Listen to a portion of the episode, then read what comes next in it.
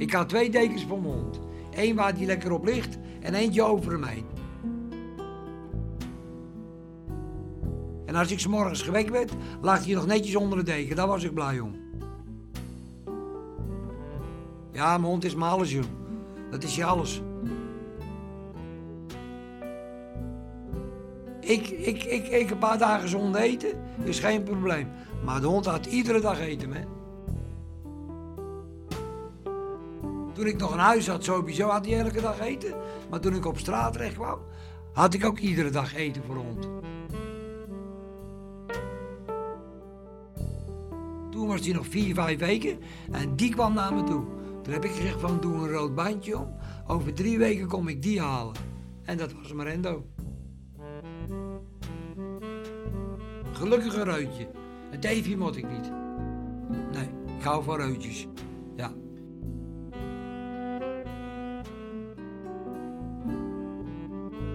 Hij was perfect. Hoe is het om geen dak boven je hoofd te hebben? Om rond te zwerven en niet te weten waar je s'avonds slaapt? Waarom wordt iemand dakloos en hoe lukt het om de straat weer te verlaten? Je luistert naar een rugzak vol verhalen. Gemaakt door mij, Hugo Verkleij, in samenwerking met Stichting De Tussenvoorziening. Dit is aflevering 5, De hond van Fred. Fred van 61 is een kleurrijk man. Zwart petje op zijn witte bos haren, daaronder draagt hij het liefst een bomberjack. Vandaag een groene, maar een zwarte is onderweg. Via de tussenvoorziening woont hij nu zo'n acht jaar bij de Paranadreef in Overvecht. Daar woont hij zelfstandig, maar is er ook 24 uur per dag zorg in de buurt. Fred is er op zijn plek. Sleutel, eigen huisje, postvakje beneden voor je post. Dus ik kook zelf, ik eh, boodschappen zelf en bla bla dit. Ik heb het zo goed voor elkaar. Ik heb nooit een officiële waarschuwing gehad. En ik heb ook nog nooit een schorsing gehad. Nooit.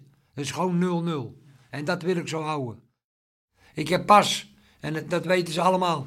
Ik heb pas een nieuwe bureaustoel ge- gekocht. Via Ikea besteld door een bewindsvoerder. En een nieuw bureau. En mijn fiets. En mijn kachel. En nou komt het van een week, hopelijk komt het morgen of vandaag, heb ik een nieuwe bomberjack besteld. Via de bewindsvoerder, een zwarte.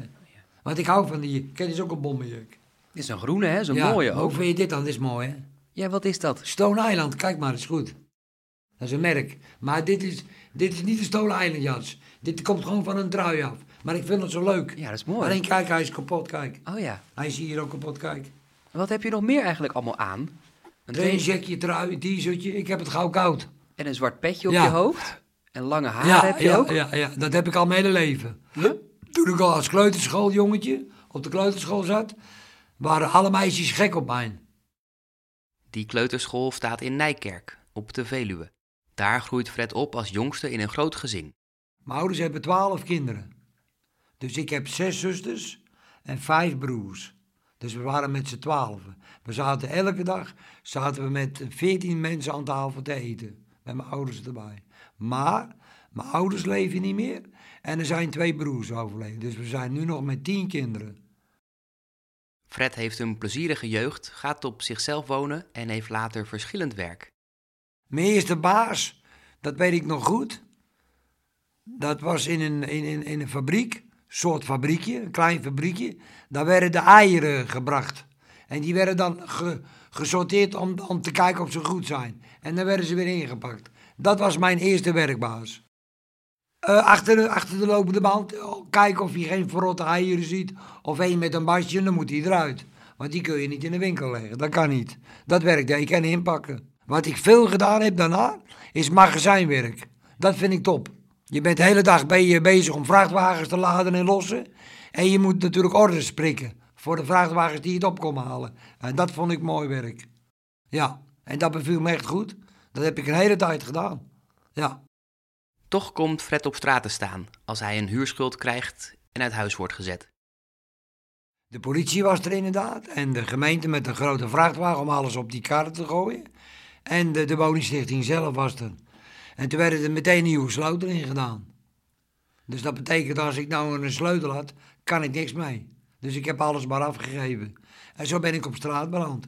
Zo heb ik de eerste vier, vijf weken heb ik een caravan aangeboden gekregen in Nijkerk. En daar ben ik een beetje rond gaan zwerven door Nijkerk.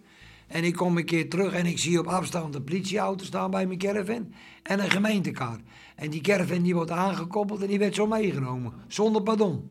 Ik ben natuurlijk gelijk naar de gemeente gegaan om mijn spullen eruit te halen. Want dat is voor mij. Maar mijn caravan die hebben ze zomaar, zonder een reden, zonder wat ook te weten. Ze hebben me ook niks gezegd, hebben ze hem zo in beslag genomen. Nee, niemand van de familie heeft mij ooit aangesproken. Kom maar bij mij logeren. Niemand. En waarom? Daar ben ik nooit achter gekomen, weet ik niet. Vind ik niet leuk. Ze laten het jongste broertje gewoon op straat zwerven. Terwijl ik zo'n grote familie heb. Zoveel broers en zussen. Maar er was niemand die zei, kom maar hier.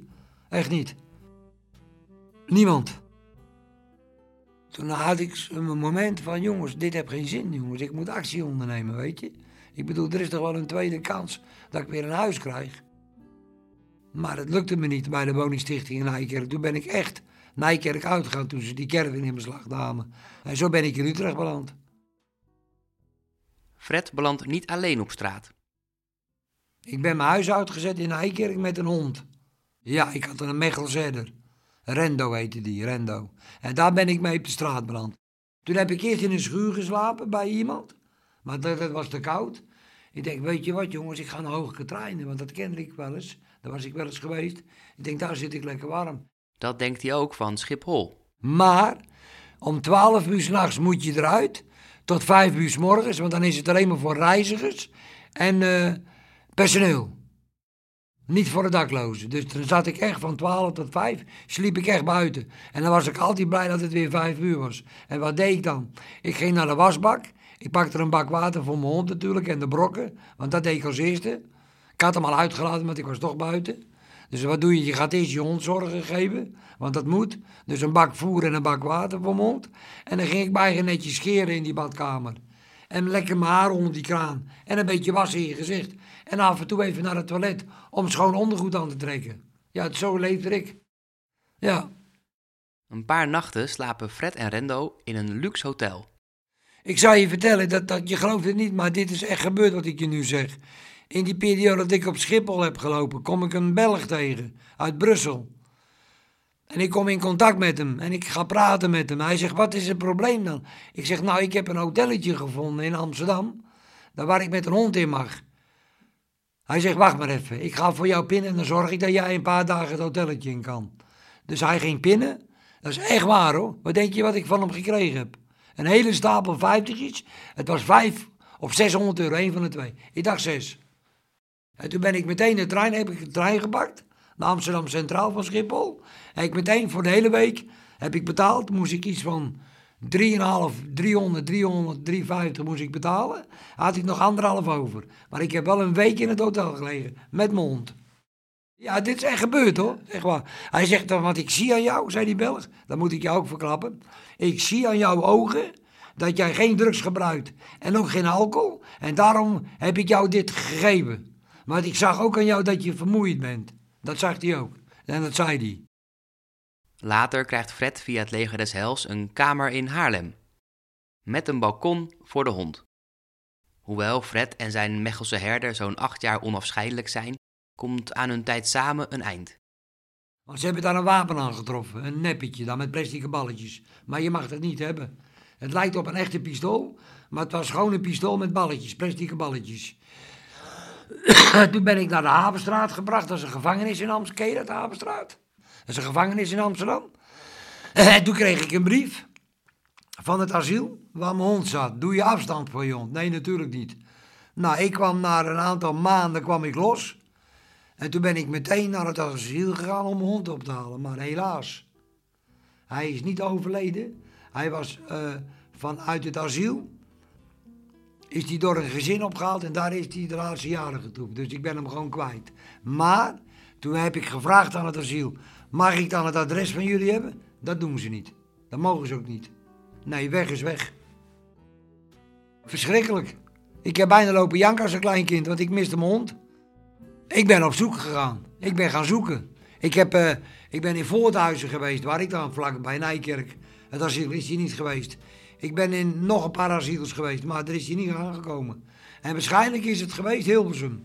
Want dat heb ik via via van iemand gehoord. Dat hij daar een paar dagen gezeten heeft. Ik wou dat ik dat wist, want dan haak ik hem terug. Maar hij was weg. Ik heb wel gezegd tegen het asiel. Ik hoop dat het een normaal gezin is. En ik weet hoe Rendo is. Hij is goed voor jullie. Maar hij was ook goed voor mij. Dus laat ik geen nare bericht horen. Nee, hij is bij een goed gezin met kinderen terechtgekomen. Dus hij heeft het goed gehad en daar ben ik blij om. Maar nu is het anno 2024, dat moet ik er ook bij zeggen natuurlijk. Hij leeft niet meer. Nee, dat is al lang om. Fred nog wel en hij heeft één grote droom. Dat is naar Jamaica. Ja, dan kan ik een jointje roken met die jongens daar. Dat is mijn wens. Nou, dan ga ik je vertellen. Ik, ben, ik heb de flauwe oude tijd meegemaakt, de 60 jaar, als klein jongetje. Toen bloot iedereen. Toen liepen we wel eens, gingen we wel eens van Nijkerk naar Amsterdam. Hoe heet dat dierenpark alweer in Amsterdam? Artes. Kwamen we langs de Dam. Toen zei ik als klein jochie tegen mijn papa en mama... Wat zijn die mensen aan het doen dan? Waren ze aan het blowen, pijpje roken, je kent een wiet. Als ik die tijd terugdenk, denk ik van... Ik wou dat het nu 19...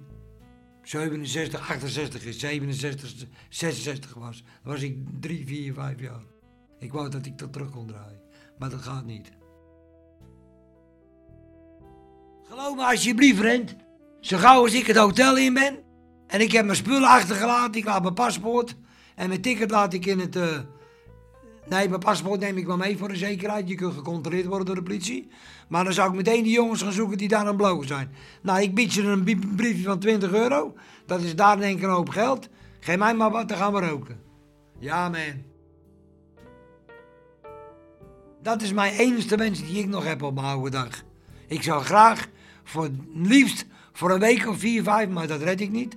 Dat is te lang. Maar voor twee weken zou ik het wel redden, denk ik, Jamaica. Alleen, je moet wel uitkijken dat Jamaica ook gevaarlijke buurt hebt. Dan moet je als toerist, kun je er beter niet komen. Want dan gaan ze jou pakken.